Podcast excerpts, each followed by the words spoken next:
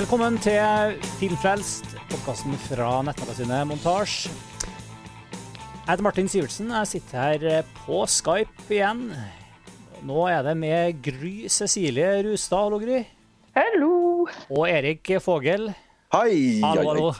Dere som hører på, husker kanskje at vi hadde både sist vi hadde Gry og Erik eh, i Filmfrelst, så var det, det var nesten et, snart et år siden. Og da skulle det handle om TV-serier, og det skal det den gangen her òg. Yes! Seriefrelst. Seriefrelst. Uh, iterasjon to. og det, det er jo eh, Innimellom så tar vi en pause fra filmpraten og dykker ned i TV-seriens verden. Og det er vel kanskje rett og slett fordi at, uh, som vi også kommenterte sist gang, uh, Erik, at særlig jeg og du får jo sett mindre og mindre film og flere og flere TV-serier pga. Uh, døgnrytmer og diverse tidsklemmer og sånt. Ja, det er jo, vi er noen vandrende klisjeer der som eh, foreldre og ja. Det, liksom, det å komme seg på kino er vanskeligere enn eh, enn det var for eh, noen få år siden. Men det er jo lenge siden dere har vært med. begge to. Bare en liten sånn reintroduksjon for, eh, til lytterne her. Altså, Erik, du er jo produsent i Tordenfilm. Og filmfrelst veteran, for så vidt, selv om du bare er med en gang iblant. Det stemmer. Hva holder du på med nå? Du, jeg vet at du holder på med spennende ting. eh, Ja, jeg driver, ja, driver og gjør ferdig en spillefilm eh, som heter 'Knutsen og Ludvigsen og den fæle Ra- Ra- Rasputin'. Den skal sies på ekte en bergensk eh, skarr, eh, som kommer på kino i september for hele familien. Og så er vi i tidlig stadium på å starte opp og lage en ny dramaserie som heter 'Valkyrien', som eh, skal på NRK i 2017. Så det Du er i startgropa der. Ja. ja. Så Hva den slags er- serie blir det? det kaller vi en eh, Vi kaller det en eh, medisinsk thriller. Eller altså en eh, Eller egentlig en medisinsk dramatriller. For vi prøver liksom å, å, å gjøre litt sånn sjangerhybrid. Det er jo lenge siden det har vært en legeserie fra Norden. Men samtidig så Helt siden Rike? Ja, og Skjærgårdsdoktoren. Eh, det her blir litt, eh, litt mørkere enn som så, men eh, forhåpentligvis bredt. Og det handler om en lege som driver en, en eh, undergrunnsklinikk for folk som ikke kan eller vil oppsøke det vanlige helsevesenet. Så det er litt sånn underground-miljø. Dem som er på en måte lever litt sånn eh, utenfor det vanlige samfunnet. Det handler om. Så det er en eh, ny stor serie som eh, skal lages i åtte deler. Eh, og som vi eh, gleder oss masse til å, å komme i gang med senere i år. Det blir, det kommer vi sikkert til å få høre eh, flere og flere drypp fra i løpet av de neste to årene. skjønner jeg. Ja, men det er også lange perspektiv på det. At det er sånn eh, det, ja, det er jo et prosjekt vi har jobba med i fire år allerede, og så tar det to år å lage det, og så skal det ut etter det igjen. Så det er sånn, sånn, sånn det er. Men det er vi veldig, veldig, veldig happy med å, å, å kunne jobbe med samtidig nå, med Kunstner Ludvigsen og den. Hva enn du, Gry? Sist gang vi snakka med deg, så hadde du jo nettopp levert doktorgrad om TV-estetikk og seriefans. og Ja. Så jeg må si eh, det er kanskje ikke like spennende det jeg holder på med om dagen, men eh, jeg jobber da som eh, det som heter førsteamanuensis ved Høgskolen i Hedmark nå. Så da er det litt sånn undervisning og litt forskning og det jeg holder på med. Så det er kanskje ikke like spennende, men eh, Har, to, har tomheten etter doktorgradsarbeidet liksom satt inn? Vakuumet? Ja, litt. Selv om jeg har veldig mye å gjøre fremdeles. Jeg holder vel på Det er kanskje litt dumt, da, men jeg holder på med sånn tre artikler som jeg har lyst til å skrive. Sånne akademiske artikler. Eh, annet om Paradise Hotel og skandinavisk kvalitets-TV. Eh, og så en om Twin Peaks, tenker jeg, etter hvert. Oi, oi. Det er jo eh, nyaktuelt igjen. Ja. Det er det. Ja, for det er jo en av tingene jeg tenkte det, det kan jo være et fint sted å begynne, egentlig. Det er jo Det går jo Inflasjon Ja, vi brukte jo vi brukte mye tid Sist gang vi, snakket, vi hadde seriefrelst å snakke om kvalitetsserier, men det, det kommer jo bare mer og mer store eh, TV-lanseringer. De får jo bare mer og mer oppmerksomhet. Og folk snakker om dem eh, hele tida. Og, og Netflix og HBO og, og Hulu er det liksom som forholder seg til i Norge. Nei, men også, alt det, her bare, det blir bare mer og mer fokus på, på TV-serier. jeg. Men samtidig så sitter vi her og så har Twin Peaks kommer tilbake. X-Files kommer tilbake. Boy Meets World kommer tilbake. Ja. Hva syns vi om det? Er det hva syns du om det, Gry? Hva, hva du skal si om uh, Twin Peaks? Hva, hva, slags vinkling har du der, og hvordan Det vil være mer hvordan Altså, faktisk Det her er, det her er faktisk litt pinlig. Dette er sånn, det her er virkelig som å banne i kirken.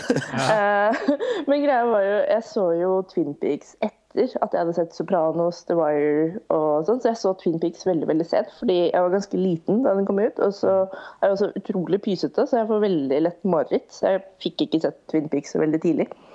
Eh, så jeg, da jeg så Twin Peaks, så hadde jeg allerede sett liksom, de der store HBO-seriene. 'Karnevale' og 'Sex på dunder' og 'The Wire' og sånn. Så for meg så var det liksom Ja, jeg ser rent historisk. Jeg hadde også begynt å studere da. Så jeg var liksom Ja, jeg ser rent historisk at uh, Twin Peaks er en veldig, veldig viktig serie, men det er ikke så bra.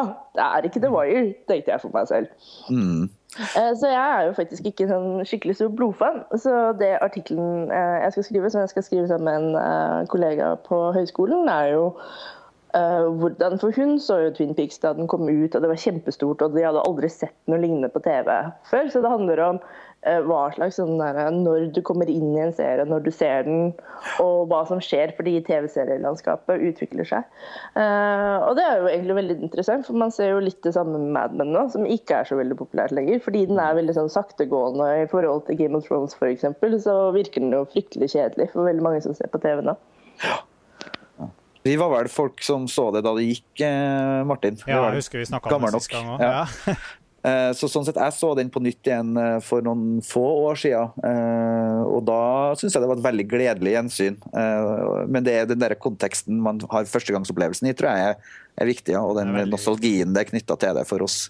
Mm. Det var jo, Jeg så det jo med Åslaug. Åslaug hadde jo ikke sett det før og fikk jo veldig mye ut av det. Særlig første mm. sesongen. Og, og, det er jo et eller annet med at selv de her gamle som sier, historisk veldig viktige eh, seriene som på en måte var med og, og satt eh, både Twin Peaks, men også X-Files, som var med og, liksom satt den TV-seriesjangeren litt mer på kartet. Det var liksom utover ja. sitcoms og, og, selvfølgelig alle Star Trek-variantene. Men, ja. men, som liksom virkelig gjorde det til folkeeie. At de nå kommer tilbake og i en måte som gjør at det var, ga ganske stor verdi for meg og deg også sikkert å, å kunne se Twin Peaks i HD for første gang, f.eks. På, på Netflix. Mm. Og nå kommer uh, The Wire kommer jo nå i Jeg har jo ikke sett The Wire noe annet i sånn 4-3-format på DVD tidligere. ikke sant? Nå kommer det også i, i HD på nå er det, det, er vel ute på Netflix? Det, det har vært ute en stund, det. Det kom ja, tidligere mm. i vinter. Mm. Uh, jeg, har ikke sett, sett, var, jeg har ikke sett den på nytt etter de gjorde det. da. For meg er det alltid 4-3 for life. Nei da. Ja. Uh, og det var jo veldig interessant. David Salman skrev jo en veldig lang artikkel om dette, faktisk, hvorfor de gjorde det. Og det er jo nettopp for å fange nye uh, unge seere, fordi de vil ikke se det i 4-3. og jeg ser jo det, jeg snakket med en del studenter. Det får meg jo selvsagt til å føle meg utrolig utrolig gammel. Eh, men når jeg spør studenter om de har sett Sopranos nå, så er det faktisk veldig få som har sett Sopranos. Mm. Ja, sant. um, Uh, og, det, og, før, altså da jeg begynte å undervise, så var, hadde jo alle sett det selvsagt. Men de, de, sliter da med å komme inn i Sopranos, for det ser litt gammelt ut. Og sånt, og det er jo litt trist. Det er det. Mm. Men, men, i forhold til det her med at det, det er veldig mye det er ganske sånn logisk for meg at, at Twin Peaks tas opp igjen. Nå ble det jo riktignok sådd tvil om det etter at eh, David Lynch trakk seg. Det var jo liksom litt eh, eh, Det var jo nyheten her nå i uka her, var ikke det? Eller forrige uke? Ja. Mhm. Sist gang han trakk seg fra Twin Peaks, gikk det jo nedover. Mm. Men, men, bare liksom trenden da, med, med, med, gamle nostalgiting som tas opp igjen. Det snakkes vel også om en, en ny Star Trek-serie, har jeg skjønt. Mm. Uh, og og X-Files, som du sier. Og, og, eh, men trenden det er veldig sånn lettforklarlig med at nå er det flere altså Fra sånn, fra sånn eh, bransjeperspektiv, da, som kanskje jeg har litt, så er det liksom mange flere kjøpere. Mange flere kanaler og websteder og andre som bestiller drama. Og da er det jo liksom eh, det å gå til noe gammelt og trygt er jo også en sånn forretningsmessig ting som Altså, altså det, Noe som har fungert før, er lettere å få, få opp. da. Eh, det er lettere å få oppmerksomhet rundt. Men... Det, er også, sant, det snakkes om innebygd, et innebygd eh, grunnpublikum som kjenner det fra før. Um, og, og, med en del av de seriene som uh, Det gjelder også for så vidt også spillefilm.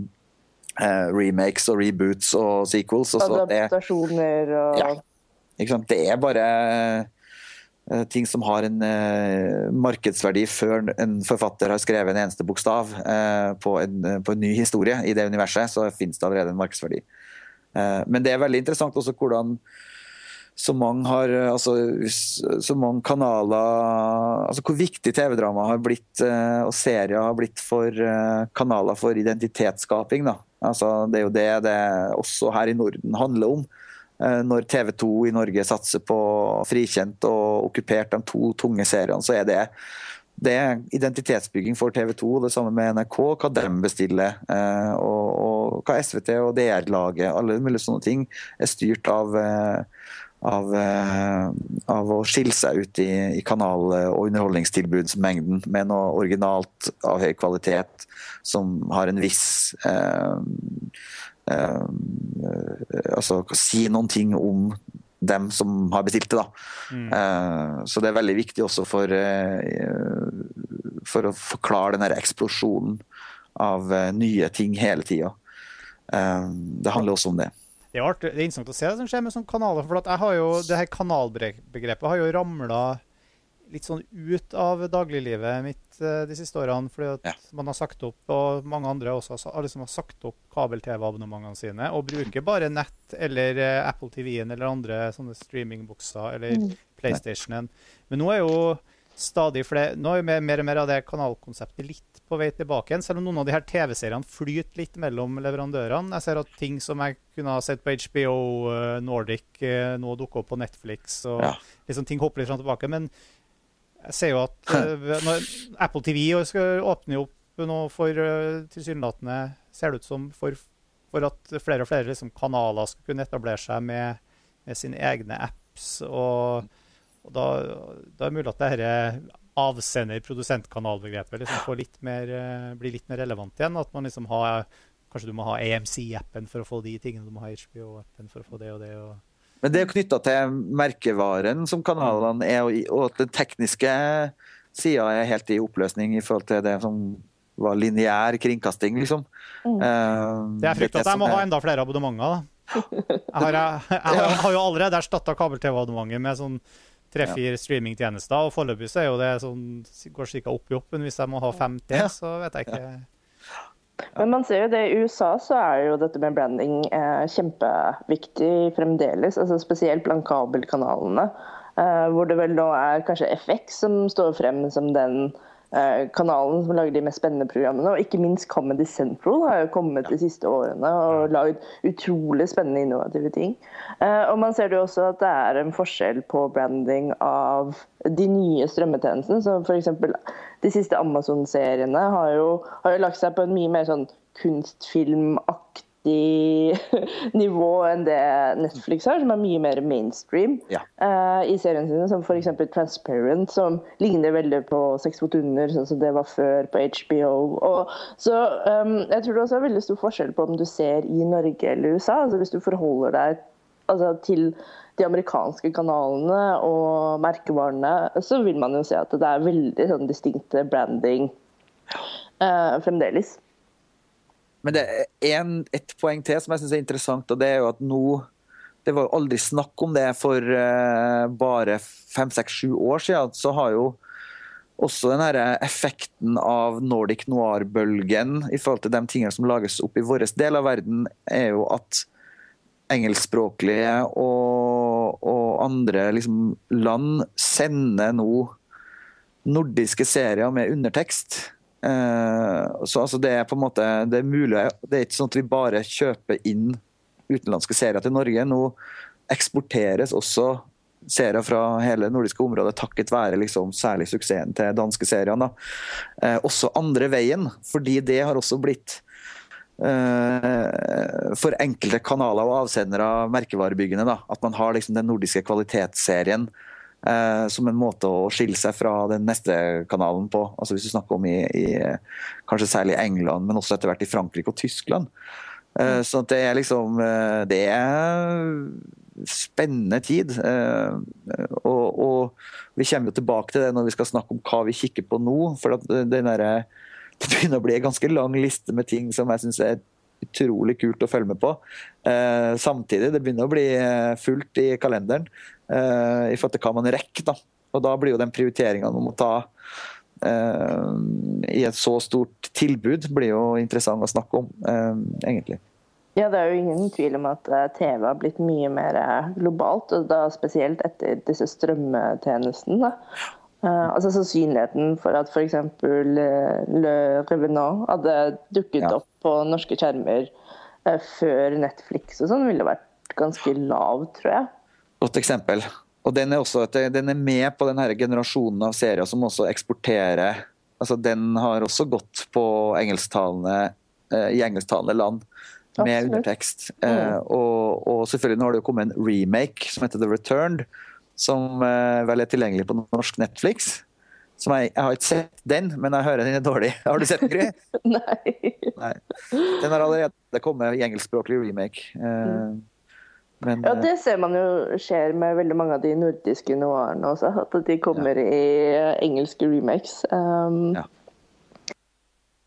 Men det er parallelt med at originalen også har interesse og eksport. Det er liksom utrolig interessant. Eh, Begge deler ses på som egne egne verker. Ja, ja og, og, og, og, det er business i alle, eller i, i begge deler. Men det er klart, du får jo ikke laga en amerikansk remake uten å ha hatt en, en suksess i bånn. Altså, det er jo ikke noe Og det har jo fortsatt ikke skjedd, med unntak av den I forhold til Norge så er det jo den NRK Superserien eh, Kampen. Uh, den er den eneste norske serien jeg kan komme på som faktisk har blitt remaka på engelsk. Den lages i Canada. Eh, for da barne-TV der. Vi venter jo fortsatt på at en del av de større produksjonene skal remakes. Mm. Men uh, hvis vi ser liksom det siste Det har jo vært så lenge siden vi snakka sammen sist, og da, jo, da, kom vi jo med masse tips. og Jeg satt jo og notert flittig og hørte hva dere kikka på. ja. og liksom Gjøre, liksom, hva, har skjedd, hva, har dere sett siden det siste, la oss si det siste halvåret året? Hva, jeg trenger ikke å liste opp alt vi har sett, men hvis vi skal trekke fram noen ting som uh, Bare ta runden og trekke fram hva er det vi virkelig har lyst til å sette fingeren på, som vi har lyst til å følge videre. og som uh, Anbefalinger er jo alltid kult. Det er jo bunnløst hav av ting man har lyst til å følge med på. Det er ikke noe, ikke noe bedre å få noe varmt anbefalt. Så, Nei, jeg tror Gry, du, du, har fingeren på pulsen på, ja. på, alt det nye, så kjør på. Hva er fasiten? Hallo, Gry? Har vi mista Gry? Kanskje. Skal vi se. Gry har ramla ut, vet du. Ja. Jeg kan jo begynne mens du prøver å få ut det. Jeg kan også si at det som er nytt, som har vært liksom oppdagelsen siden sist For det er jo mange flersesongsting som jo, altså som Game of Thrones og Mad Men og sånne ting som jeg på en måte har sett på i flere år. Men det som er nyvinningene på en måte er jo for meg å ha på det året som har gått, så tror jeg jeg har slukt, jeg har slukt hele Louis. Eh, for det, så begynte å se, det hadde ikke du sett sist vi Jeg tror ikke det, og det har vært en veldig kul eh, serie å, å se. Fordi de har en sånn 22 minutters uh, format, som er liksom det er veldig lett, og det er veldig morsomt, og det er veldig sånn uh, um, eksperimentelt innimellom ja. i formen. Uh, og det er friskt, altså. er du tilbake, Gry? Ja. Der er du. Yes. Jeg bare begynte å snakke litt om hva jeg har sett på av nye ting, og snakke, trekke fram Louis da, som en en, en, liten konfekt i hverdagen å, ha, å, å kikke på som, eh, som jeg, jeg, setter veldig pris på. Jeg vil også si at en del jeg har fått en del ut av Better Call Saul, som jeg har sett eh, fram til og med den første sesongen nå. Ja, det, det var var, kjempegøy. Det, var det levde opp til forventninger, men jeg tror også at det, der tror jeg at det lever ikke opp til alles forventninger. Det er også en veldig slentrende en serie som på en måte tillater seg å ikke være så formstøpt fra episode én. Eh, som på en måte leter seg fram og prøver litt ulike retninger og, og lykkes med den slentrende stilen, men som jeg tror man strengt tatt bør ha sett Breaking Bad. Ja, men det er ikke Jeg har sett det samme Åslaug som jeg aldri har sett ja. Breaking Bad, og hun ja. syns det var kjempebra. Ok, ja, for jeg har også lurt på det, om det er mulig å se det uten å se Breaking Bad. Ja, det er fullt mulig, altså. Og det ble ikke noe Ja, det, den falt ikke på flat mark, den. Og den eh, og selv om man, det er jo selvfølgelig plott-ting, og det er også veldig mye sånn formmessige ting. Det er så mange grep som man kjenner igjen. Mye sånn, Alt fra liksom de kreative kameravinklene og, og dramatiske ting. Og, nei, men eh, Nei, ja, men jeg tenker at det, liksom, det likevel det ligger en del sånne type easter eggs, referanser, Ja, det det. Liksom, små karakterer, sånn små episodekarakterer som bare dukker opp så vidt, som er folk du har sett i Breaking Bad. Eh, Et par eksempler av det, tror jeg. Eh, Men som ikke er, altså, som er bare liksom gøy da, for dem som er liksom marinert i universet. Eh, Men, som, men dem som jeg kjenner som har vært kritiske til Better Call Saul, er jo dem som ikke har noe forhold til det. da. Men det er kult å høre at det funker også, også sånn. Uh, Men jeg vil også si Jeg mener også at jeg har sett Rectify etter fjorårets seriefrelst-diskusjon. Eh, I to sesonger, vel. Og det er bra. Og det er så bra! Det er også en perle av en serie altså, som jeg også har sett beskrevet som, eh, som en slags litt del av en trend. Det kan jo kanskje du si litt om, Gry, men det her med, altså, premisset der er jo at det er en, en, eh, en mann i slutten av 30-åra som slipper ut fra death row og fordi dommen, eh, morddommen mot den eh, blir oppheva. Eh, og så er det jo et spørsmål om selvfølgelig hvorvidt han begikk det mordet eller ikke. Og, men det handler jo egentlig om en fyr som har blitt frarøvet Egentlig en fyr som har reist i tid. Fra high school til voksen mann eh, uten å ha noe kontakt med samfunnet.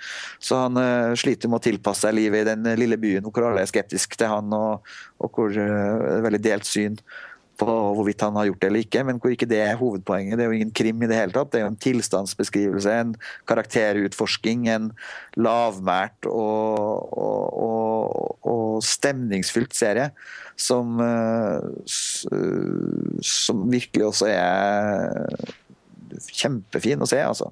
Selv om jeg er litt usikker på om det er en trend. Jeg prøvde å, jeg snakket med noen venner som gjerne ville ha flere anbefalinger, som type Rectify og Transparent. Ja. Eh, og jeg hadde veldig problemer med å komme på flere serier som er som de. Altså disse, ja, som du sier, lavmælte, karakterbaserte dramaene som egentlig ikke er så opptatt av plott, men som er mer opptatt av stemning og karakterer og moralske dilemmaer. Jeg hadde kjempeproblemer med å komme på flere. Du kan jo på ett plan kanskje si at uh, eh, den Le Revenant, også den eh, som vi snakka om, den franske, har Ja. også den, rest, den er også veldig stemningsbasert. Selvfølgelig en helt annen sjanger og stemning, men, men uh, den kommer det for øvrig også en sesong to på, Ja. som er på gang. For dem som likte den. Jeg syns jeg ble jo veldig skuffa av hvordan den slutta, men Det var cliffhanger, det. Det vil jeg si. det er jo et eller annet med sånne serier som, som eh, du merker Jeg merka med den. Den har åtte episoder, tror jeg. Og som er en ganske vanlig sånn sesonglengde har blitt. Eh, I hvert fall på europeiske serier. Og, og i voksende grad også på amerikanske serier. Men så er det sånn at når du kommer til midtveispunktet, så begynner man å få den mistanken om at vet du hva, nå har forfatterne kasta så mange mysterier opp at det er umulig å løse opp i, det, i de fire episodene som gjenstår. Eh, og de endte jo med ja, Vi har jo ikke gitt en generell spoiler alert for lytterne her. Eh, vi skal prøve kanskje holde oss litt utenom spoilers, men, men det er liksom, den, den har mange spørsmål igjen på slutten. da. Det har den. Den, man kan si at den slutter brått, kan man ikke det? Mm. Men det var i hvert fall noen av mine eh, som har vært som er ny i rotasjonen siden sist. Eh, jo, eh, Ascension, har du sett den, eh, den miniserien, eh, Gry? Eh, nei, den tror jeg faktisk ikke jeg har hørt om engang. Enn du, Martin? Nei. har jeg ikke. Ascension. Jeg har hørt om den, det er jo en sci-fi-serie. Er en sci-fi-serie i tre ganger 90 minutters deler, som er, hvor premisset er at eh, i en alternativ virkelighet ble det sendt opp et romskip med folk uh, i et sånt hemmelig rom, amerikansk romprogram, et sånn sivilisasjons-generasjonsskip, sant? hvor alle dem som uh, som allerede har da vært 70 eller 60 år i verdensrommet, eh, og som har sitt eget samfunn da, med et par tusen mennesker som skal kolonisere en fjern stjerne. ikke sant? Eh, så, sånn at noe av handlinga foregår i nåtid på landjorda. og Mesteparten av handlinga foregår i, på det her romskipet. Da. Eh, det er liksom det lille samfunnet i miniatyr. I en slags, eh, og det er veldig sånn eh, besnærende premiss. Jeg har bare sett de første to episodene, og ikke sett den tredje. Og jeg vel, kommer vel ikke til å prioritere å se den tredje, men, men det er noe med. Jeg, har, jeg, jeg vurderte sterkt å begynne å se på det. så... Ja. Det hørtes ikke ut som en anbefaling, da, må jeg innrømme. Nei, det er ikke en anbefaling, det egentlig, men, men det går an å Jeg tror man finner ut av Se den første. Og hvis den fenger, så kan man se resten. Men jeg tror også det er med at når det kommer, og det er litt det som er temaet i dag, at kom, nå er det jo masse nye premierer. Så er det et eller annet at man tar den avveininga. Skal jeg fullføre den serien, eller skal jeg ikke sant? Det handler om ja. der, hvor mye tid finnes det til å se drama, og da blir det harde prioriteringer. Helt klart. Mm. Hva er deres, da? Jeg kan, siden jeg kommer til å være mye kortere enn Gry, så kan jeg ta over. Alle har sånn forventning om at du skal snakke om 30 serier nå, Gry, som du har sett siden sist. Jeg, um, men jeg, jo, jeg ble jo veldig glad da The Americans dukka opp på Netflix her, for det snakka jo du så varmt om sist gang, Erik. Ja. ja. Så, så, den begynte vi å se på hjemme her, og den mm. slo jo veldig, veldig godt an. Ja, Sesong to av The Americans er noe av det beste jeg har sett på ja. lenge. Så vi er bare helt i slutten av sesong én foreløpig. Men uh, det har jo absolutt vært en, en stor favoritt her. Og så Ja, vi, jeg syns også eh, Vi så også sesong tre av The Newsroom her.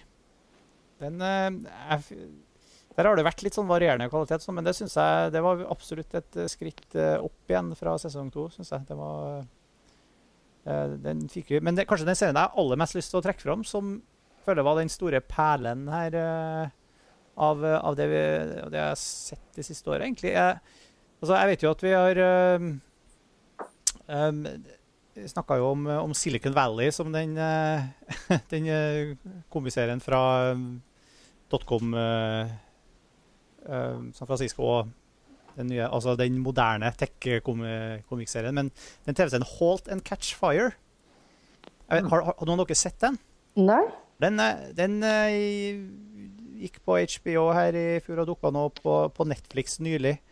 Den syns jeg var helt uh, suveren. og den, uh, den, er satt til 80-tallet og følger et sånt uh, tech-data, gryende datafirma i 80-tallet. Liksom midt i oppstarts rundt liksom, Microsoft og IBM og de første personlige datamaskinene og Apple. og alt her. Men det er et fiktivt firma vi følger. da. I, så det er en fiksjonshistorie, men den er den har en slags Den har en utrolig kul estetikk eh, og er både morsom og, og spennende og har eh, interessante og, og, kule rollefigurer. og er På mange måter en slags sånn uh, blanding Sånn Mad Men for, uh, for 80-talls dataindustri. da. Ja. Uh, og den kommer med, med, varme anbefalinger. Og der vet jeg at sesong to har premiere nå i mai, så det gleder jeg meg veldig til. Mm. The Halt and catchfire. Jeg Det skrevet ned på en gul lapp nå. Ja. ja. jeg skal også sjekke ut den. Ja, men jeg, ja. jeg, har også hørt flere snakke om den som en slags 80-talls Madman, så det høres veldig bra ut. så den er kanskje, ja, For den mistenker at kanskje ikke så mange har sett heller. Som, som har vært liksom, ellers har jeg selvfølgelig sett, har jeg selvfølgelig sett mye av det, det mest på House of Cards og alt, alt det der, men det blir jo litt, litt kjedelig å, å trekke fram. Um, men uh, du, Gru, hva, hva, står på høyest på lista di? Uh, skal vi se. Ja, nå har jeg vel allerede name-droppet Transparent sånn fire ganger. Transparent, ja. ja. Uh, kan du fortelle litt om det? Ja, som, Den finnes på Viaplay. Uh, det er en dramakomedie, vil jeg si. Altså, det er halvtimesepisoder. Um, det handler om en litt sånn øvre middelklasse California-familie, uh, hvor faren uh, kommer ut som transvestitt til sine tre voksne barn. Uh, og så det, er det rett og slett et familiedrama da, om, disse, om, denne familien. og de komplekse forholdene de har til hverandre. og den er Altså, er, hvis man liker, eller hvis man likte Seks fot under, så er det omtrent der. Den er utrolig stemningsfull, eh, karakterbasert, eh, veldig interessante karakterer som er veldig komplekse og interessante å følge med på. Musikk musikken, soundtracket, er helt sublimt. Den er utrolig vakkert filmet. Og så har man selvsagt denne utrolig interessante historien som jeg tror man aldri har sett på TV før, da, om um, denne transvestitten um, som kommer ut til familien sin, og hvordan de uh, forholder seg til å få Jeg tror de kaller uh, faren, altså Mappa, som en blanding av mamma og pappa. og hovedrollen er spilt av um, Og nå står det helt stille, men han spilte også faren i Arrested Development. Uh, Jeffrey Tambor, som også vant en ekstremt velfortjent Golden Globe for rollen sin. rolletolkningen også er utrolig bra. Serien, apropos dette med sexfotoner, uh, serien er også skrevet av Jill Soloway og basert på hennes liv og hennes opplevelse at faren kom ut som transvestitt til henne og søsknene da de var voksne. og hun skrev jo også mange mange av de beste episodene av sexfotoner. Kult. Den er en skikkelig snakkis med, i mine miljø, denne serien. Den, Men du må ha Viaplay? Ja. Den ligger på Viaplay. Mm. Eh, men man, man, kan jo abonnere på Viaplay en måned gratis, og man rekker fint å se Transparent på den. ja. Insider-tipp. Skulle man Kanskje litt frekt, men eh, det er en mulighet hvis man vil sjekke ut Transparent. Eh, så det er vel den store favorittserien fra året som var. Jeg er også ekstremt glad i veldig mange av disse nye seriene. Mange nye komedieserier, faktisk. Uh, og da spesielt serier fra Comedy Central. Uh, Review, som er en slags metaserie som handler om en mann som skal anmelde livet, faktisk. Så han anmelder ting som rasisme, det å spise 15 pannekaker, det å spise 30 pannekaker på en gang, skilsmisse, det å være utro, være med i en sexorgi. Altså veldig mange Jeg syns Kristoffer Schou-stunt Uh, så det er liksom lagd som en mockumentary, da, uh, hvor man følger uh, denne programlederen da, mens han anmelder forskjellige aspekter av livet. Og Det er hysterisk morsomt, og det er utrolig bra. Og det også føles utrolig friskt og rart altså sånn i formen, siden du har denne mockumentary-formen. det er jo 100% fiksjon, review. Um, og så er det også en annen serie som er Nei, vent, Det er fiksjon at man anmelder å spise 30 pannekaker? Ja, ja. Dette er en fiksjonsserie. Men den er bygd som en sånn mockumentary, altså lagd som dette TV-programmet. Altså, vi følger liksom um, hvordan han opererer bak kulissene, og hvordan denne jobben får helt sånn forferdelige konsekvenser for hans personlige liv og sånn. Ja. Uh, så det er, um, det er litt sånn absurd og mørkt hvis man setter pris på den type humor. Den er heller ikke så lett å få sett. Nei, dessverre. Uh, jeg har sett den på Hulu. Um, jeg ser de meste av disse seriene på Hulu. Um, så det er kanskje dumt å drive og anbefale alle disse. Nei, da, Hulu, jo, Hulu har jeg et abonnement på. Jeg bare kan ikke huske at. Jo da, uh, de Comedy Central-seriene dukker opp på Hulu, så ja. Uh, og så I tillegg til denne så har de Broad City, som jeg er ekstremt glad i. Som er girls minus all den selvopptatte middelklasse, første verdens bortskjemte drittunge-komplekset som girls har. Så det er helt fantastisk. Ja, okay. uh, det handler også det handler om to unge uh, jenter i New York og livene deres. Um, denne serien er også veldig sånn litt sånn som Louie, mindre serialisert. og Den er mer episodisk. Um, litt sånn, mer sånn minifilmaktig, novellefilmaktig. Eh, veldig morsom. Uh, disse kvinnene, i motsetning til girls, altså man skjønner også hvorfor de er venner, så det er jo veldig hyggelig. um, så den anbefales. Veldig smart. Uh, ja, hva kan jeg si? Det er liksom overskridende Veldig ganske feministisk, selvsagt. Veldig sånn overskridende um, kvinnelige personligheter. Um, veldig raunchy. Altså, hva vil, hva vil, det være på norsk? Vovet. Vovet, ja. Det var et ord jeg nesten ikke vet hva betyr på norsk engang, men det betyr tydeligvis raunchy. Eller grov, da. Ja, grove. Uh, så den grenseoverskridende og uh, veldig artig, føles veldig, veldig friskt. Um, de har uh, episoder Noen ganger så går det helt over i absurd, og andre ganger så kan det være hyperrealistisk. Så de også leker veldig mye med form. Serien er jo skapt av de som spiller hovedkarakteren også. Eh, og produsert av Amy Poehler, så det dukker også opp en del sånn artige cameos og sånn. Eh, og den siste Comedy Central-serien jeg vil trekke frem, er en som heter Nathan for you. Eh, og dette, denne befinner seg mer mellom fiksjon og virkelighet. Det handler da om en mann som skal hjelpe mellomstore bedrifter eh, til å liksom komme på bena igjen.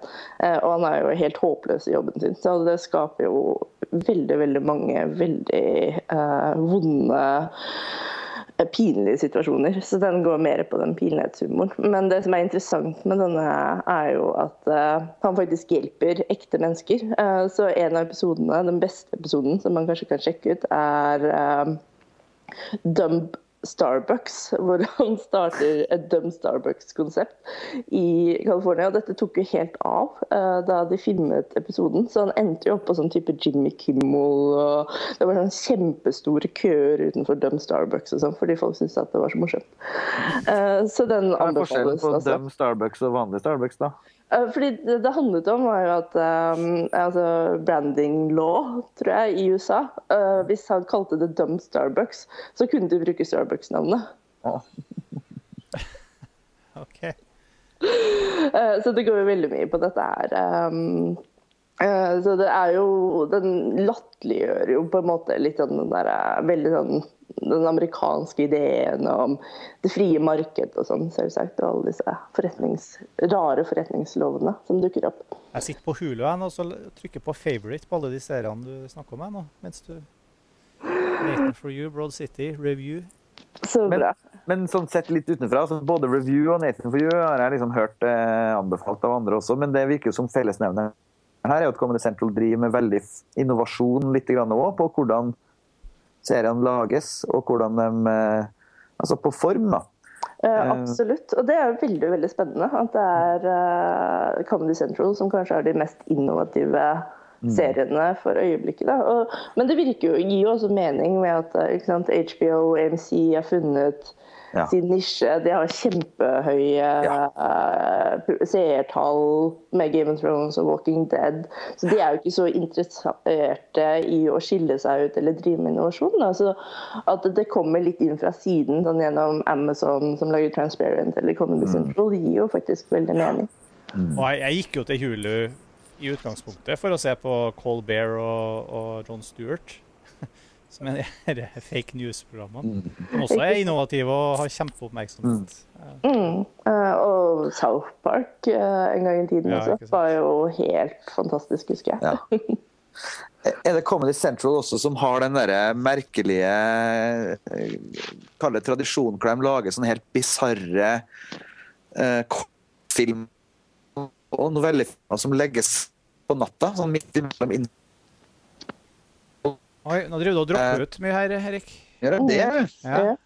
Uff da, jeg hører jo dere så bra. Jeg tror jeg fikk med meg du, eh, kortfilmer som bryter inn i ordinære Nei, er er det ikke Comedy Central som lager de her bisarre greiene som går seint på natta på TV i USA, som er sånn one-off-greier, som den derre internetthiten 'Too Many Cooks'? Og det er Adult Swim. Uh... Det er Adult Swim, ja. OK. Men er men det er det, noe av det samme. Ja. ja, men er ikke det en, sånn, en bit av Comedy Central? Eller tar jeg feil, det da? Jeg er ikke, det er jeg faktisk ikke helt sikker på. Men, Nei, Kanskje jeg blander ja. med at, det, at, det, at, at Adult Swim er Cartoon Network eller et eller annet sånt. Eh, Mhm. det Ja. kan være. Anyway. Men eh, det skjer i hvert fall så mye rart eh, i amerikansk TV. Absolutt. Uh, OK, så det var Comedy Central. eh, Ja. Du, du har dem delt opp i, sånn, eh, i kanal? I Ja, brand. eller jeg prøver i hvert fall sånn at jeg husker alle. Det var, det var 30 jeg måtte komme opp med, ikke sant? Ja, det var Ja, 30. minst. Da har vi, da har vi tre. Jeg er bare 27 igjen. Uh, nei da. Um, jeg må også si at jeg er blitt veldig positivt overrasket over the CW, de nye CW-programmene dette året. Uh, det Jeg vet ikke hva er det betyr engang. jeg- Jeg er jo eh, Det her er da eh, kanalen eh, i USA som da er ment for unge, spesielt unge kvinner, sånn type alderen 16 til 29. Så jeg er egentlig litt for gammel til å se disse seriene. Eh, men jeg har alltid vært Gry har alltid vært, sa og så mista vi lyden. Ja. Beklager, jeg fikk inn en uh, telefon. Ok. Jeg har jo lenge vært eh, veldig stor fan av tenåringssåper. Det er jo det de hovedsakelig lager, sånn Gossip Girl og Vampire Diaries. Eh, men de siste årene så har de faktisk prøvd å forandre litt profil. Eh, så nå har de Det er altså, dem som har den Flash-serien, ser jeg. de har Flash, ja. eh, Som er faktisk utrolig morsom. Eh, Og det som er litt morsomt, er at det er en superheltserie som prøver å ha det litt morsomt. Altså, den er ikke nolansk. Den er ikke sånn broody og mørk og sånn. Den har Altså, superhelten syns faktisk det er litt morsomt å være superhelt, og det er veldig fint. For jeg håper jo at uh, Altså, når jeg tenkte hvis jeg skulle være superhelt, så håper jeg at eh, det hadde vært litt gøy ja. også. og ikke bare forferdelig og eksistensialistisk. Um, så de har jo det. Uh, og så har de en serie nå som heter The 100. Uh, nå må jeg innrømme at de første episodene er veldig sånn tenåringshåpe, litt sånn platt. Men etter hvert så tar den en sånn utrolig mørk vending. Uh, så jeg tror jeg vil karakterisere den som en blanding av Battlestar Galactica, Lost og Buffy. Uh, som er veldig veldig interessant. Og den er veldig mer sånn fremtidsdystopisk serie, rett og slett. Uh, så jeg vil definitivt anbefale den hvis man er glad i den type serier. Um, og så har de Det er jo også for så vidt en såpe, men de har en serie som heter Day the Virgin, uh, som også er veldig artig. Sånn, veldig sånn postmoderne, hyperrealistisk, men øh, antageligvis den morsomste voiceoveren som har vært på TV på veldig mange år. Som driver og kommenterer alt som skjer. Eh, den er jo basert eh, på en sånn telenovella, men den er jo også en parodi på en telenovella. Samtidig som de faktisk har eh, ordentlig karakterarbeid her. altså Sånn at karakterene føles eh, komplekse også som mennesker. Da. og Det syns jeg er en utrolig fascinerende kombinasjon at de klarer. Eh, Gry, før du går vid du, hø- eh, Mikrofonen din lager veldig mye lyd. Oi, uff da. Høres ut som du driver og børster av jakka di med en eller et eller annet. Uh, Hjalp det nå? Ja, nå høres det mye bedre ut. OK. Ja, supert. Uh, Proceed. så da var det uh, Jane the Virgin. Og så må jeg si, Den har jo ikke gått i så mange episoder ennå, men I Zombie er den nye serien til Rob Thomas, som har lagd Veronica Mars og Party Down. Eh, jeg vil si at iZombie er uh, zombieversjonen av Veronica Mars. Så hvis man var glad i Veronica Mars og er glad i sarkastiske blondiner, nå blondinezombie med litt sånn detektivplott og litt sånn noir-trekk, så er det definitivt serien å følge med på. Jøss. Der kom det jo en bråte til med anbefalinger. Ikke sant? Mye, Kult. mye som jeg tror var ukjent for, for flere. Ja, og det er jo Og ikke minst eh, håper jeg i hvert fall noe for enhver smak. Hvordan får man sett de seriene? da? Eh, CW-seriene. Hvis man har eh, amerikansk VPN, så blir alle lagt ut på nettet, faktisk. Ja, gratis. Det har jeg jo. Så det, den, det, skal være ganske enkelt å se. Og så ligger du også på Hulu. så de skal vel ikke være det vanskeligste. Og veldig mange av de dukker opp på Netflix også, har jeg sett. Eh, så eh, de skal være mer overkommelige, kanskje, å se enn de Comedy Central-seriene. Så eh, hvor mange har jeg klart å anbefale da? Du er i hvert fall oppe på 7-8 nå. Så nei da, du, er, du har, har tippa 10, tror jeg. Ja. Ja, ja, 21. Nei, nei da. Men, men i forhold til dem som starter opp nå, da, som er litt sånn En del av dem er jo mainstream, eller i hvert fall jeg tenker på Game of Thrones kanskje spesielt, da. Eh, som på en måte kom tilbake nå. Vi spiller jo inn det her dagen etter at det hadde premiere på, på HBO. Rakk dere å se premieren? Jeg rakk å se den. Ja, Ja, ja. Mhm. Så bra. Da kan vi jo gi en liten eh, review av eh, sesong fem-premieren, ja. rett og Ja. slett. Men med spoilere eller uten spoilere? Det er kanskje ikke så mye spoile i den første episoden. Det var, det var faktisk ikke det. Og jeg tror også at eh, det er litt sånn betegnende for Game of Thrones, er at det er på en måte en årlig tradisjon på at man Ja, men da er vi tilbake i den verdenen eh, igjen. Og bare hopper rett inn i strømmen av eh, intrige ganske, ganske greit. Og, og det kjentes jo ikke som det var Det var ikke så veldig mye plott i den eh, Det var å sjekke inn da, rundt enkelte kriker og kroker det ekstremt mangfoldige universet. og, og og se liksom, noen begynne nye konfliktlinjer, men veldig sånn eh, eh, Ikke drevet av en sånn stor action set-piece eller et eller annet sånt. Det var rett inn i eh, scener med mennesker som prater med hverandre i spektakulære omgivelser. Men så får du vært innom med ganske mange av de forskjellige maktlandene eller eh, områdene og maktfaksjonene, så du, liksom, du ser at det demrer ting overalt. På, I alle hjørner av, eh, av verdenen. Mm. Men det er som Ja, å få gamle venner på besøk, litt grann, Ja. føler jeg. Og det er helt topp. Helt fint. Så sjekker sjekke eh, inn. Hva er det ja. du har drevet med det siste året? Ja. Og, så jeg tenker det var, jeg, jeg, var, jeg var godt fornøyd og gleder meg til å følge sesongen som vanlig, liksom. Det liksom Ja, absolutt. Eh, Jeg så at eh, de fire første episodene blitt sluppet på nett, men jeg tenkte det er jo, må jo være utrolig slitsomt å se de fire første, og så må man vente fem uker på å se mer. Så det fant jeg ut var ganske uaktuelt. Sluppet er vel, er vel Ja. eufemismen for at Lekket. lekka. Eh, Ja. ja. Det er vel pressekopier eller noe sånt.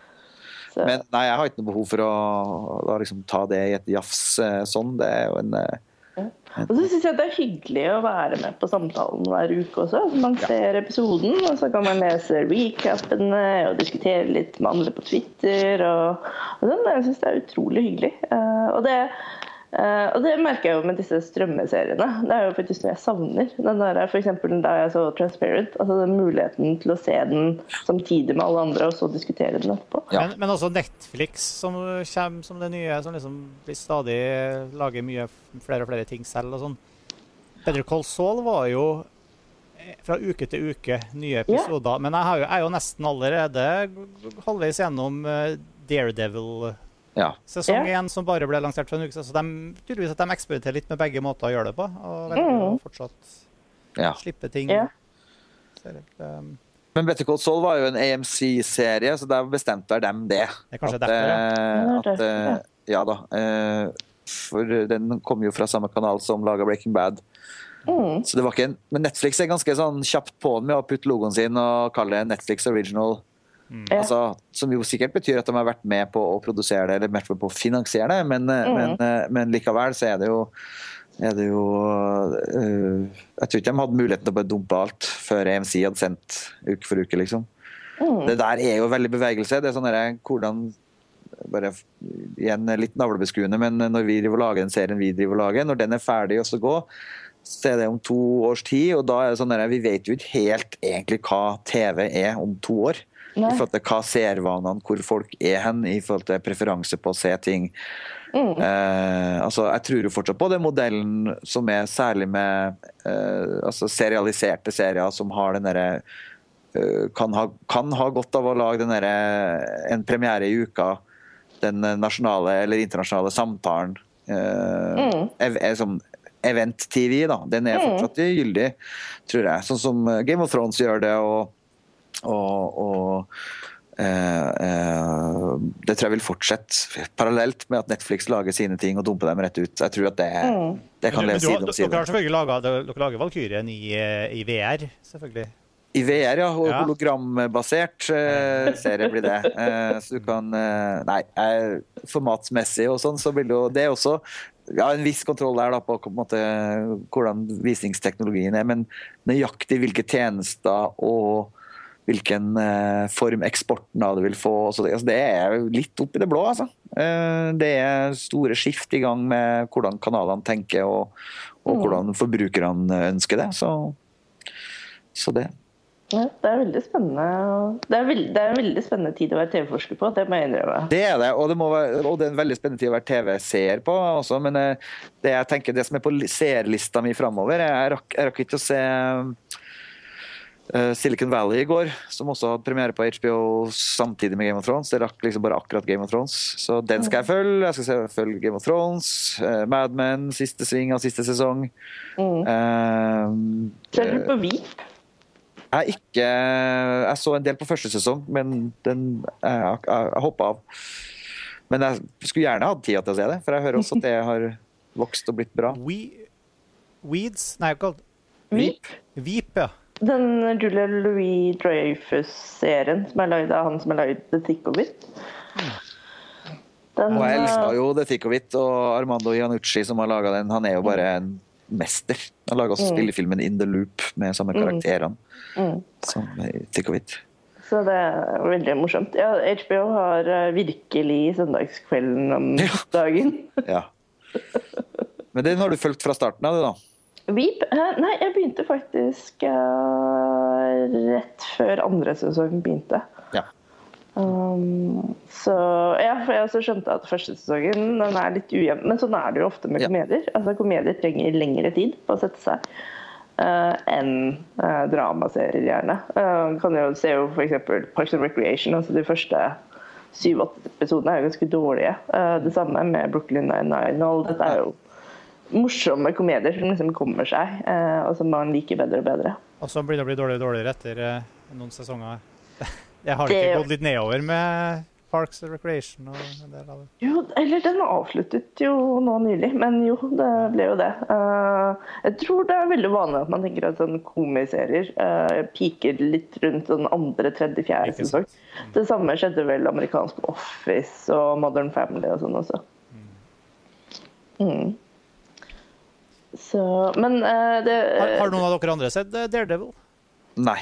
Ja, jeg rakk å se halvannen episode i går kveld. Uh, Det, jeg tror kanskje det er den Netflix-serien jeg har likt best, tror jeg. For den er Ja, den er jo veldig Du nevnte ordet nålandsk. Ja, Den er jo ganske nålandsk, på en måte. Den er jo i hvert fall veldig mørk og, og ned på eh, Til å være en superheltserie litt sånn ned på jorda. så Så man Mm. har overmenneskelig evne. Og så er det litt sånn eh, en viss sånn Jeg skal ikke si bruke ordet realisme, for det blir feil. Men eh, den er ganske gritty, ja. Og det er den. helt Men i motsatt sjikte. Mye nærmere Dark Knight og sånt enn en alt det andre fra, fra Marvel vi har sett på, på filmfronten. Uh, absolutt. Uh, Men ja, den fungerte. Det er jo ikke det, var, det, er jo ikke det at jeg ikke liker Nolans eh, Batman-univers. Eh, eh, Kan jeg skryte? Jeg var i New Orleans nylig, og da kjørte faktisk Christian Batman Bale forbi meg i en bil. Ja. Det var faktisk ganske stas. Var det en eh, militæraktig, lav, svart, brei bil med svære hjul og Ja, det var en sånn kjedelig amerikansk bil hvor han ble liksom kjørt rundt. Så det tok litt tid før jeg bare Oi, det er faktisk Batman. Eh, Men det at jeg tenker på han som Batman også, er, sier jo sitt, selvsagt. It's the car. Men eh, ja, eh, karakterene fungerte veldig godt, syns jeg, eh, i Daredevil. Um, jeg syns han som spilte hovedrollen, klarte å gi denne rollen nok Og så er det. Jeg har jo sett noen, noen flere episoder av det. og Den, den, den, holder jo veldig den stilen fram. Den, veldig sånn, den tar seg veldig god tid med å introdusere nye elementer og nye figurer. og Den, eh, den har det ikke travelt med å altså Daredevil-navnet har jo ikke blitt brukt neste eneste gang ennå i, i skriptet. Og, og, den, eh, og så har den ut, veldig sånn eh, tøff action-koreografi. Og det er jo veldig mye slåssing, rett og slett. Sånn, eh, jeg vet ikke hvilken martial arts-gren det er, men de har noen skikkelige sånn dyktige koreografer, koreografer, koreografer med på teamet som gjør de her fightesekvensene eh, som hever dem til et ganske høyt nivå. Og det er selvfølgelig viktig når det utgjør en såpass stor del av serien, hvis ikke så hadde det vært ganske kjedelig. Mm. Dem, og de er kreative der også. Så, Ja. Og jeg er helt enig i det du sier om karakterene. Foreløpig så funker det veldig bra. Så jeg har jo ehm, Ja, jeg hadde jo egentlig ikke noen sånn spesielt høye forventninger til det. Det var nesten tilfeldig at jeg begynte å se på det, for jeg har jo ikke vært noe spesielt glad i mye av de superhelttingene som har kommet fra Marvel i det siste. Nei. Nei, det er, litt lett. Jeg syns uh, um, den Agent Carter, den var jo ikke så ille.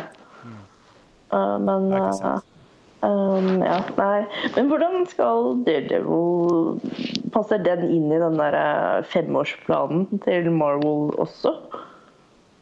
Det Helt sikkert. Det er litt, litt over det mytologiske kunnskapsnivået mitt, eh, Marvel-heltene. Men eh, Fordi det er jo helt sånn sinnssykt, den planen. Den der femårsplanen de har lagd. eh, Hvor liksom alt trekker sammen, og alt henger sammen og, og sånt. Det, er jo, det er jo litt overveldende. Jeg tenker Uh, Hvis man ikke er sånn kjempeopptatt av superhelter og Marvel, så kan det bli at folk faller av fordi de føler at de må se alt. Um, jeg sitter ikke og er- føler det når jeg ser Daredevil. Jeg, at jeg må Nei. Jeg tenker noe tjukk kunnskap til noen av de andre eh, plotlinesene eller noe sånt. Men det jeg tror du vil se, da, er jo at nå vet jeg ikke om Daredevil er et uttrykk for det, men at Marvel for eksempel har jo et så enormt univers at de kan tillate seg å utnytte i ulike sjangere. Altså Hvis du tenker på altså sånn som spillefilmsida, så har liksom eh, Avengers og Iron Man-filmene vært eh, på en måte Selvfølgelig har de vært eh, lekne filmer, dem òg, er, og Captain America for den del, og Thor. Men så, Mm. så kommer jo på en måte eh, Guardians of the Galaxy.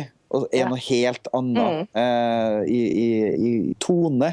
Og, og klarer fint å leve eh, liksom integrert og fletta inn med eh, plott og, og karakterer fra andre ting. Så at, jeg tenker også, vi kommer til å, Det her er mer en spådom enn eh, enn noe konkret, men jeg tror at i etter at den nye Star Wars-filmen kommer, og vi vet jo at det er planer for nye Star Wars TV-serier parallelt med filmene også, som skal liksom, Det En en enorm plan for spin-offs og oppfølgere og, og sånne ting. eh, Men som starter etter at en eh, episode sju har, har kommet ut. da. Ja. Eh, Så jeg tror også vi vil se litt av det samme taktikken. For at det, er jo fellesnevner mellom Marvel og Lucas-filmtingeren, universene, er jo at eh, det er Disney-aid alt sammen nå. Ja. Så jeg tenker at eh, det å gå løs på et sånn rikt univers sånn som de klarte med Marvel Mm. Nå starta det riktignok med Marvel Studios sjøl, men så, så tror jeg liksom at at uh, det kommer til å se mer og mer at ting, blir sånn, ting lever på flere plattformer, flere format, i flere sjangre samtidig. Når det er snakk om sånne mainstream uh, eh, kommersielle ting som Marvel og sånn. Og jeg tror også at det kan bety at Marvel, kanskje gjennom Netflix-samarbeidet, eh, lager nye serier som er basert rundt eh, det du kaller liksom andre, an, eh, altså, eller B- eller C-superhelter, som kan Ja. få lov til å være helt, helt nye sjangre igjen, liksom. Mm. Um, jeg jeg, ja, jeg syns Daredevil er er veldig godt sånn, gir veldig god smakebit. Og hvis, hvis, hvis det skjer mer av det, så er det Mm. så jeg lagt spilt et godt, godt kort der, altså. Ja, for det var jo fire andre, gjør det ikke det også? At det er fire tre. Tre eller fire andre Marvel Netflix-serier som kommer nå også. Nettopp. Det er. Det er gigantisk. Men da snakker vi jo også om eh, Herregud, det er jo de største mediekonsernene i verden som går løs på de største eh, liksom, merkevarene i verden. Og, altså, det kan bli mye. Så jeg er Ja. glad for at det fortsatt finnes den muligheten til å se Transparent eller altså, Hvis du skjønner? Altså, den, den bredden og floraen som er der nå, er helt utrolig. Altså. Og, og jeg merker jo at jeg er jo Jeg skulle jo gjerne hatt mer tid i døgnet også til å prioritere en del flere nordiske serier. Uh, enn det jeg faktisk gjør. Jeg, jeg har lyst til å ta opp den serien som jeg, som jeg ikke har klart å få med meg, som har begynt å gå på SVT nå, som heter Jordskott. Er det noen som kjenner til den? Jeg har hørt om den, Ja, ikke jeg har sett den. For det er jo en uh, slags uh, Så vidt jeg har skjønt, en krim med med på en måte overnaturlige element. Litt sånn svensk Twin Peaks-greie, som har, det har vært veldig mye buzz om ute i, i hvert fall ute i, i bransjen. Uh, og som, som er på en måte litt sånn betegnende for at sjangerserier som er utover eh, den der klassiske eh, dramaserien eller, eller Altså, sånn som gjerne eksemplifisert med den dan det danskene har drevet på med, og også utenfor det som er nordisk krim, som jeg har vært en stayer lenge, så kommer det nye sjangerserier også fra, fra, fra Norden som er interessant. Eh, det lages også kule ting både på Island og i Finland, ting som eh, ikke har kommet enda, men som, som, eh, som lover godt for en bredde også herfra. Eh, men akkurat Jordskott er jo på SVT, så du må jo se den når den går på SVT. Hvis du har et kabelabonnement. Du får den ikke inn på SVT Play. så vidt jeg vet. Eh, som er synd. Jeg håper den er kjøpt inn for Norge. Antageligvis. Og kan jeg bare nevne, eh, apropos at det lages altfor mye serier, og det er utrolig vanskelig å holde, henge med på alt, eh, så har man jo også veldig mange gamle serier som man kan se igjen. Og jeg så nylig scener fra et ekteskap. Og Jeg må si det er kanskje den beste miniserien jeg noensinne har sett. Ja. Det er da Ingrid Bergman med Erland Johansson og Liv Ullmann. Eh, fantastisk kammerdrama. Jeg tror jeg aldri har sett så bra skuespill på TV noensinne. Eh, Ingmar Bergman, ja. ja. ja, det var magisk, altså. Det. Eh, Etter min mening tidenes beste skandinaviske TV-serie. Eh, Den bør ses. Som serie. Jeg ser jo den Som serie. ja. Ja, altså Man må se den som den seks timer lange serien, og ikke halvannen time lange filmen. nettopp. Jeg har også lyst til å trekke, eh, trekke fram ting. Faktisk gå tilbake til Nolan igjen. Ja. Har- før, du, før du trekker oss dit, Ja. hvor kan vi se scener fra et ekteskap som miniserie? Eh, Den kan man i hvert fall se på DVD. Eh, Jeg så den på en sånn Criterion Collection-DVD. eh, Så Men Da er den kanskje på Hulu, da, fordi de har jo mye Criterion. det kan være. Og så tror jeg faktisk eh, den ligger ute på nett på en stream. Eh, Det kan jeg prøve å finne lenken til, faktisk. 1973. Det er snart public domain. Ikke sant? Så um, Vi kan lenke den hvis vi finner den ja, jeg kan prøve. Mm. Ser den ligger på TV4 Play, svensk TV4 da, riktignok. Mm. Så den er åpenbart eh, ut i, i på en måte Om den er oppussa eller om den er bare dumpa rett ut, vet jeg ikke, men eh, interessant eh, tips, altså. Ja, litt sånn utenfor. Ja. Liksom Daredevil og Bergman. Og, ja, men altså, det sier jo noen ting om hva som om den eh, overfloden da, av eh, kule ting. Ikke sant? Og bredden, ikke minst. Og at det virkelig, virkelig er noe for enhver smak eh, å se på TV. Det. Mm Men Um, eh, jo, jeg, jeg skal bare nevne at jeg har gjort en sånn investering i en TV-serie her som jeg fortsatt lurer på om, jeg, om jeg får eh, uttelling for. For at uh, Christopher Nolan, den mindre kjente broren til Nei, Christopher Jo, uh, Jonathan. Jonathan Nolan. Jonathan Nolan, den mindre Mhm. kjente broren til Christopher Nolan, har jo vært med og skrevet mange av manusene til filmene. Til sin Inkludert Batman-filmene og um, Interstellar og mye rart. Men han har også en TV-serie.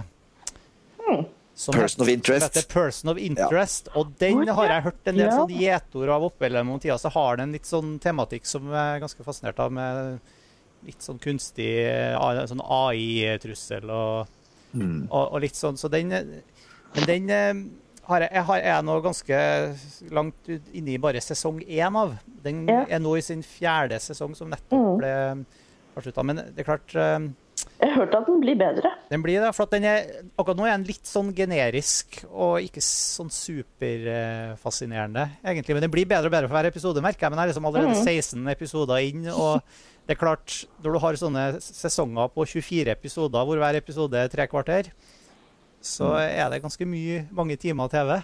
Men er det mulig å hoppe over noen episoder, da? Sånn at man kan begynne Ja, men her er det litt sånn, det er litt sånn X-Files-aktig oppbygging. Fordi at, eh, Jeg vet ikke om- hvor friskt X-Files sitter i minnet, men der var det også sånn at du hadde et sånt overhengende plott som var utrolig mystisk og fascinerende. Som innimellom var det noen sånne plottdriver-episoder mm. som virkelig hadde det. Så var det en- enkelte andre episoder som var helt eh, fraskilt, og egentlig du kunne i prinsippet hoppe over hvis du ikke var Mm. uten å gå glipp av noe. Eh, Så det er litt den samme stilen her, egentlig. Og jeg vet jo at han, eh, Jonathan Nolan har sagt at liksom, X-Files sin dramatiske oppbygging har vært en, en, eh, en klar inspirasjon for, for Person of Interest. Da.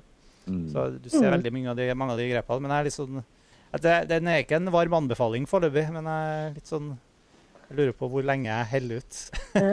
Nei, jeg, vent, jeg venta jo veldig på den, og var veldig sånn åh, den skulle jeg se. Og så kikker jeg litt på den eh, for en stund tilbake, og jeg ble litt sånn skuffa, altså. At det var, Ja. den føyde seg litt inn i den rekka av eh, ting som kom litt sånn i bølgen etter Lost. Den er litt Mm. sånn CSI også. Ja. Ja. mm. Eh, Det var også den der eh, serien til JJ Abrams som het Alcatraz. eh, Som jeg kom og, og ble glemt, som også var sånn high concept, eh, sci-fi-aktig eh, greie. Og, og den, også, den var jo skikkelig dårlig, altså. Og, Ja. men, ak men akkurat eh, Person of Interest har liksom Person of Interest er ikke skikkelig dårlig. Den er Nei, faktisk ganske bra, eh, men det er bare det er så mye. Ja, det er mer det, ja. Nei, jeg, jeg så første, så piloten, og så ramla jeg av på Person of Interest. Jeg har ikke sett det. Men det høres jo litt ut som Fringe. Jeg husker også at det var ganske kjipt å komme seg gjennom første sesongen av Fringe. Ja, Den hoppa jeg jo av etter første sesong. Men jeg så alt. Jeg så hver eneste episode av Fringe. Så jeg ble sittende. Det var av faktisk i den generasjonen av etter Lost. Så var det Ja. den jeg ble sittende med, og den syns jeg vokste og gjorde seg etter hvert. Og den, men det ble jo på en måte ingen det var jo ikke en sånn derre- det, er ikke en serie, det var ikke en serie som på en måte satt en eller annen form for sånn agenda, sånn som Nei. eh, Lost. Ja, sånn som Lost, eller for den del som, dem som som, altså Game of Thrones nå, da. ikke sant? Det Ja. var jo mer en, litt det samme med en sci-fi-serien som het Falling Skies. Ja, den Ja. så jeg også begynnelsen på, ja. Det Ja. sesongen av. Ja, det er noe Spielberg eh, Ja, som eh, executive producer eh, Steven Spielberg. Og det var også sånn der, litt sånn B-serie som Mm. Ja. Ja, det var var ålreit. Var helt Mm. ålreit. Og jeg så første to sesongene. Den ligger på norsk Netflix. Ja. Og apropos sci-fi-serier som er litt bedre enn ålreit. Orphan Black er jo også tilbake nå. Eller kommer denne uka, tror jeg. Ja, Orphan Black eh, Ja. Også på norsk Netflix. ja. Den, eh, den, den vil jeg si er sånn over middels god science fiction-serie. For Den var en skikkelig snakkis eh, for et Mm. år eller så siden. Og jeg så første halvdelen av første sesong, litt mer enn det faktisk til og med, og ville veldig gjerne likt det. Og, og jeg var langt på vei, men den, og den er ikke dårlig. Den var faktisk interessant, men så var det Mm. også sånn et eller annet sted så bare ramla av. Det, Ja, jeg så, den på, så en håndfull episode før vi Ja. den. Men sånn er det jo med serier. Altså, jeg har jo også noen sånne serier jeg tenker at jeg virkelig virkelig burde like, og som jeg ser er veldig bra, men som bare rett og slett rent personlig ikke fungerer. Jeg har det faktisk liksom med Orange is New Black. Jeg begynte å se den og tenkte ja, dette her er, dette er kvalitet, dette er bra. Ja. Dette, dette er interessant. Og så bare at det her er, det er, treffer ikke i det hele tatt. nei. Jøss. Så du ramla av den, altså? Den, Ja, er. Ja. den følger vi i heimen. Så det er jo, Og sånn er det bare med TV-serier også. Det tror jeg man bare må akseptere. At alle kan ikke like alt. Og noen ganger så treffer ting, og andre, ting, andre ganger så gjør de ikke det. Ja. Eh, Men det som er interessant, er jo at man som vi snakker om nå, er at man kan jo se at ting er bra, uavhengig om det treffer deg personlig eller ikke. Ja, klart. Mm. Det, det tror jeg gjelder liksom altså, Mye av de seriene vi har snakka om nå, som er liksom virkelig solide ting. Mm. Eh, men så får man en sånn eh, sånn, eh, Så får man en sånn uh, hard prioritering, da, gitt at det er så Mm. å velge mellom. Uh, du har jo den privilegiet at du jobber jo med det liksom å forske på TV. men uh, ja, jeg skulle ønske jeg kunne også faglig sett se mer i hverdagen. Mm. men, fordi jeg driver med det, men, men samtidig så er det det, det er mest på kveldene, ja. Ja, ja, men jeg merker jo også at jeg har problemer med å henge med på alt. Så det blir jo prioriteringer her også. Fordi som vi snakket om helt i begynnelsen, det er Altså, Man kan kanskje ikke si at det er for mye, men det er i hvert fall for mye for én person å se alt av. Men er det ikke sånn at du noen, noen ganger bare går og liksom leser sånne episode recaps? Da, da hopper jeg over fire-fem episoder her, og så leser jeg de her Du faller aldri for Ja. fristelsen til å gjøre det? Jo, jo. Uh, og noen ganger så har jeg hoppet inn igjen på en serie. Uh, det angrer jeg eksempel. Jeg så siste sesongen av Dexter. Det angrer jeg for så vidt Ja. på, men uh, ja. For det er jo de to jeg første sesongene som er Ja. bra. Ja. Da hadde jeg hoppet over ja, eh, sesongen før eh, og leste bare recaps, men det angrer jeg faktisk litt på. Så det var bortkastet. Det er, det er 13 timer av livet mitt jeg ikke får igjen. Ja. Men det, det du sier der, Martin, det har jeg aldri gjort. Eh, Jeg har aldri, aldri gjort det er sånn- heller. Jeg bare Skal man, eh, OK, jeg, jeg leser en oppsummering av 'Ringenes herre', og så starter jeg rett på 'The Return of the King', liksom. ja. Eh, det kjennes rart ut. Jeg vet ikke, kanskje Nei, for den, De gangene jeg har gått og når måten jeg har oppdaga at de sitene eksisterer på, som har skriver ganske mange ord faktisk om hver episode, det er jo, det er jo når jeg har sovna i en episode og, og gått glipp av de siste kvarteret eller noe sånt, mens, mens Åslaug så for det resten eller et eller annet sånt, så måtte jeg inn og ja. Mm. Det er de eneste gangene det har. Jeg, ja, jeg leser jo ofte recaps mer som et supplement, kanskje, enn fordi jeg trenger en oppfriskning. Uh, Men som sagt, det er jo forskjell på altså Dexter vil jeg bare se hvordan sluttet. Men eh, jeg lurer på vi skulle runde med å ta en sånn runde og bare, Hvis vi skal trekke fram én ting som vi gleder oss til å se nå de neste banene, med gitt alle premierene og vårslippet på nye serier og, og sånt. Vi skal trekke fram, jeg kan jo si For min egen del så er det faktisk neste sesong av uh, Halt and Catch Fire som kommer i mai, som jeg gleder meg aller mest til. Av, inkludert uh, kanskje mer spent på det enn enn hva som skjer i Game of Thrones. For å si sånn, så man skal se det. Eh, For min del så er det definitivt Mad Men. Eh, Nå skrev jeg også avhandlingen min, store deler av avhandlingen min om Mad Men, så for meg så er det veldig stort, og det blir rart å se hva som skjer. Eh, Jeg har allerede sett at det har vært en del forskjellige sånn, teorier på hvordan det kommer til å slutte. Eh, Jeg tror jeg satser på Jeg tror jeg håper på en sånn type Sopranos-slutt. Eh, men, uh, men ja, uh, Mad Men er jo en sånn utrolig interessant serie som var veldig veldig populær, og som er helt liksom, forsvunnet litt fra offentligheten og diskusjonen.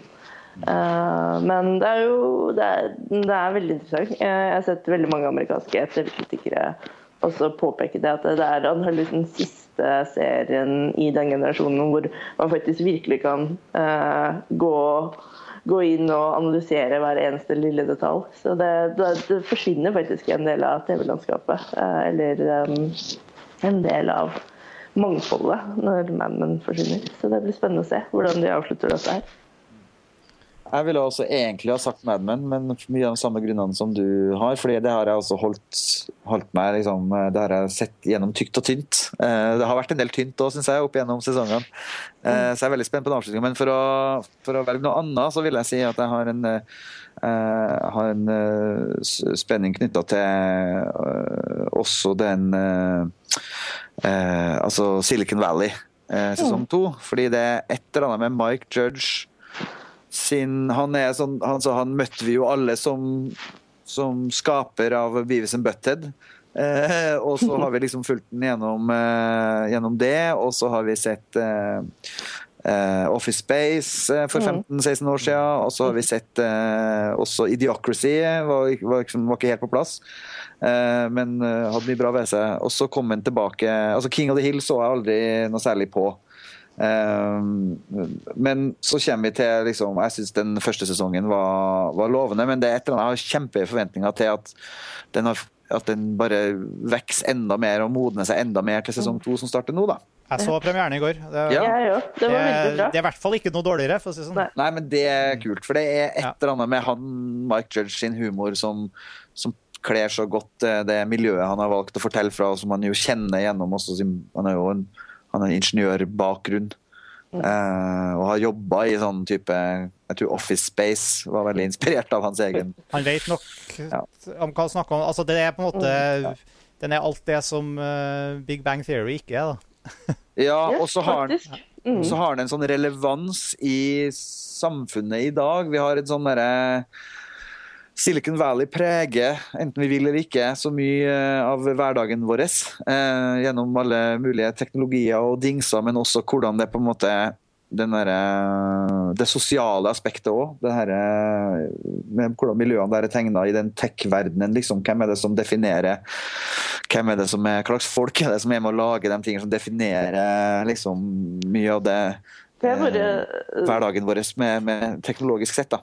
ja, skal jeg bare si at Når man ser Silicon Valley, så blir man kanskje litt skeptisk til at så sosialt um, problem, altså, Ja. Mennesker med så store sosiale problemer skaper våre sosiale medier. Det er, Ja, det er jo ganske fascinerende å tenke på. så jeg syns den har den perfekte kombinasjonen av en interessant serieskaper som har valgt et aktuelt og interessant miljø med veldig gode skuespillere. Og så det er egentlig den jeg har lyst til å trekke fram, pluss Rectify sesong tre, men det blir sikkert ikke før uh, mye senere på året. Den tror jeg er i produksjon nå. Ja. Mm. Så det, det er dem.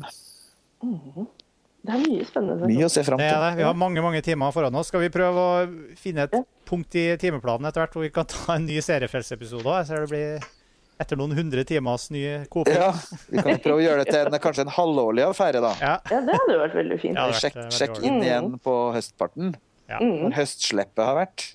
Det høres bra ut. Ja, vi får si det sånn, og så får dere ha kost dere med alt det vi har foran oss. Ja, Yes. så det blir Ja. mange timer foran TV, hører jeg. Det skal Ja, vi. Eller TV og TV, da. Eh, Foran, Ja. Hva er TV? Ja. Mm, Foran skjerm. foran skjermen, ja. Men takk for nå, Erik og Gry. Så Takk sjøl. snakkes vi snart igjen. Det gjør vi.